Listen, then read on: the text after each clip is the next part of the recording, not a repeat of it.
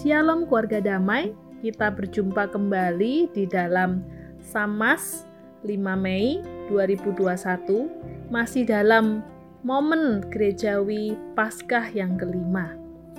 Mari saat ini kita menyiapkan hati kita di dalam tuntunan Roh Kudus melalui sebuah pujian.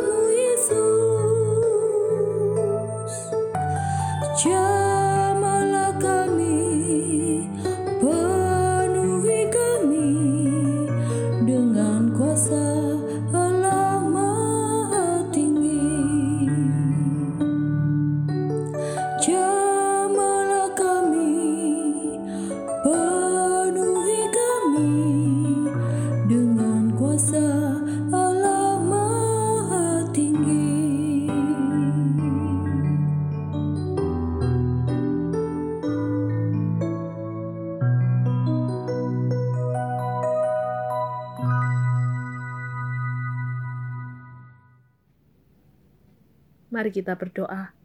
Allah Roh Kudus, saat ini kami membuka hati kami untuk dipenuhi dengan tuntunan rohmu. Di dalam nama Tuhan Yesus kami berdoa. Amin. Keluarga damai, tema renungan hari ini adalah damai sejahtera yang sejati. Saya akan membacakan bacaan Alkitab yang mendasari perenungan kita yaitu dari Yohanes 14. Saya meng-highlight di bagian ayat yang ke-27 berbunyi demikian. Damai sejahtera aku tinggalkan bagimu, damai sejahteraku kuberikan kepadamu. Dan apa yang kuberikan tidak seperti yang diberikan oleh dunia kepadamu. Janganlah gelisah dan gentar hatimu. Warga damai yang terkasih di dalam Tuhan. Firman Tuhan berkata di dalam bacaan kita tadi, "Janganlah gelisah hatimu." Kata gelisah yang dipakai di dalam ayat ini menggambarkan suasana hati yang terombang-ambing bagaikan ombak di lautan yang tidak pernah tenang. Itulah gambaran dari kata gelisah yang dipakai di dalam bacaan kita. Keluarga damai, hati yang terombang-ambing bagaikan ombak di lautan yang tidak pernah merasakan tenang Pernahkah Anda mengalami situasi kegelisahan hati yang demikian? Atau jangan-jangan itulah suasana hati Anda pada saat ini? Di masa pandemi ini, badai kehidupan menghantam Anda dengan bertubi-tubi dengan permasalahan-permasalahan kehidupan. Itulah yang membuat Anda mengalami hati yang tidak tenang, bahkan ketika memikirkan masa depan, maka hati Anda menjadi gentar. Keluarga damai, firman Tuhan berkata bagi kita, orang-orang yang sedang mengalami kegelisahan dan juga kegentaran hati. Janganlah gelisah dan gentar hatimu, sebab itu ya, sebab damai sejahtera aku tinggalkan bagimu. Damai sejahtera aku kuberikan bagimu, dan apa yang kuberikan tidak seperti yang diberikan oleh dunia kepadamu. Keluarga damai, Yesus berkata damai sejahtera yang berasal darinya tidak seperti damai sejahtera yang diberikan dunia. Apa maksudnya? Keluarga damai dunia mengajarkan damai sejahtera yang bergantung pada situasi dan kondisi. Damai sejahtera dunia itu bersifat sementara dan berubah-ubah, bahkan naik turun seiring dengan situasi dan kondisi yang kita hadapi. Dia dapat muncul ketika hidup kita sedang tidak ada masalah bisnis kita sedang berkembang, dan segala sesuatunya berjalan seperti yang kita harapkan. Orang yang menggantungkan hidupnya dari damai sejahtera dunia, contohnya adalah orang-orang yang damai sejahteranya ditentukan, mungkin oleh jumlah uang di rekeningnya. Jadi, ketika uang di rekeningnya sedang melimpah, dia akan tersenyum lebar, hidupnya, hatinya penuh dengan ketenangan, dan juga dipenuhi dengan sukacita. Akan tetapi ketika uangnya mulai menipis, maka sikapnya pun berubah menjadi orang yang mudah marah, orang yang hatinya dipenuhi dengan ketakutan dan terus-menerus tidak tenang mengalami kekhawatiran.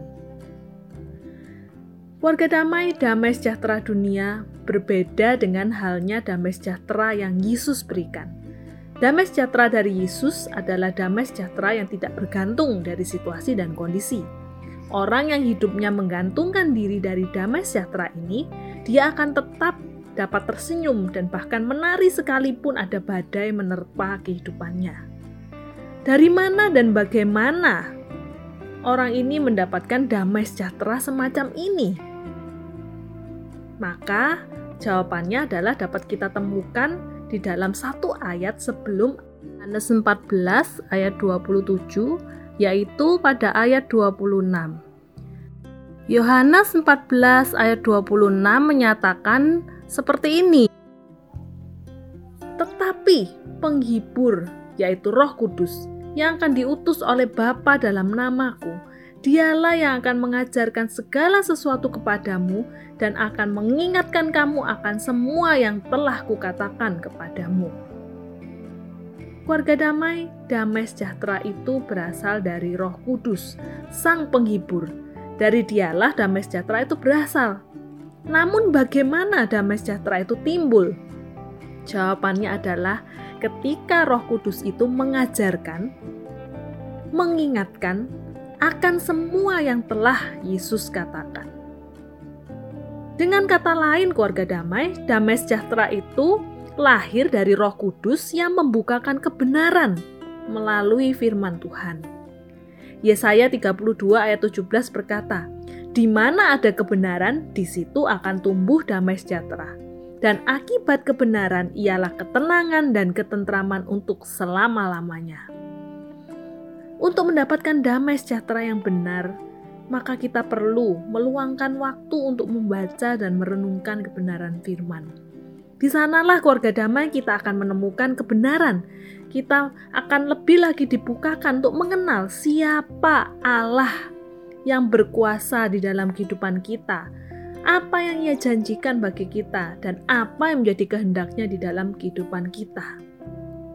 Rasul Petrus pun menuliskan di dalam 2 Petrus 1 ayat yang kedua demikian, Kasih karunia dan damai sejahtera melimpahi kamu oleh pengenalan akan Allah dan akan Yesus Tuhan kita.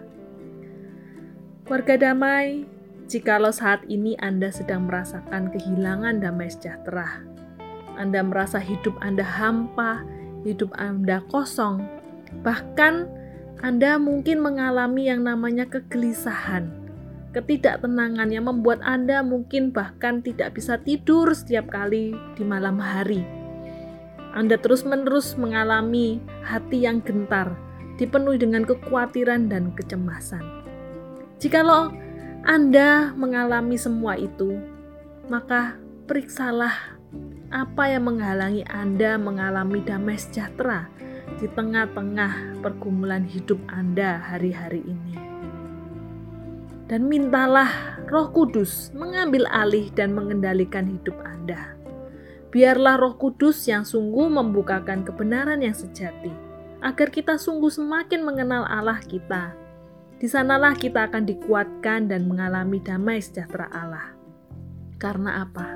Karena kita tahu siapa Tuhan yang kita percayai, siapa Tuhan yang berkuasa memegang seluruh kendali kehidupan kita. Kiranya Allah sumber damai sejahtera menguatkan kita selalu di tengah kehidupan ini. Amin. Mari kita berdoa. Tuhan Allah Roh Kudus, kami menyerahkan hidup kami di dalam tuntunan kendalimu. Penuhilah dengan damai sejahteramu. Kami memohon, segarkanlah setiap hati yang lelah ini. Kuatkanlah hati yang lemah, dan hiburlah setiap hati yang sedang gentar. Biarlah hidup kami sepenuhnya semakin hari dibukakan melalui tuntunan rohmu akan kebenaran. Akan iman pengenalan kami akan engkau. Kami dibukakan untuk lebih lagi mengenali siapa engkau Tuhan Allah yang kami sembah, Allah yang kami percaya, yang kami yakin berkuasa memegang seluruh kendali kehidupan kami. Kami percaya engkau Allah yang setia, dan berjanji memberikan damai sejahtera yang sejati bagi kami. Di dalam nama Tuhan Allah Roh Kudus kami berdoa. Amin.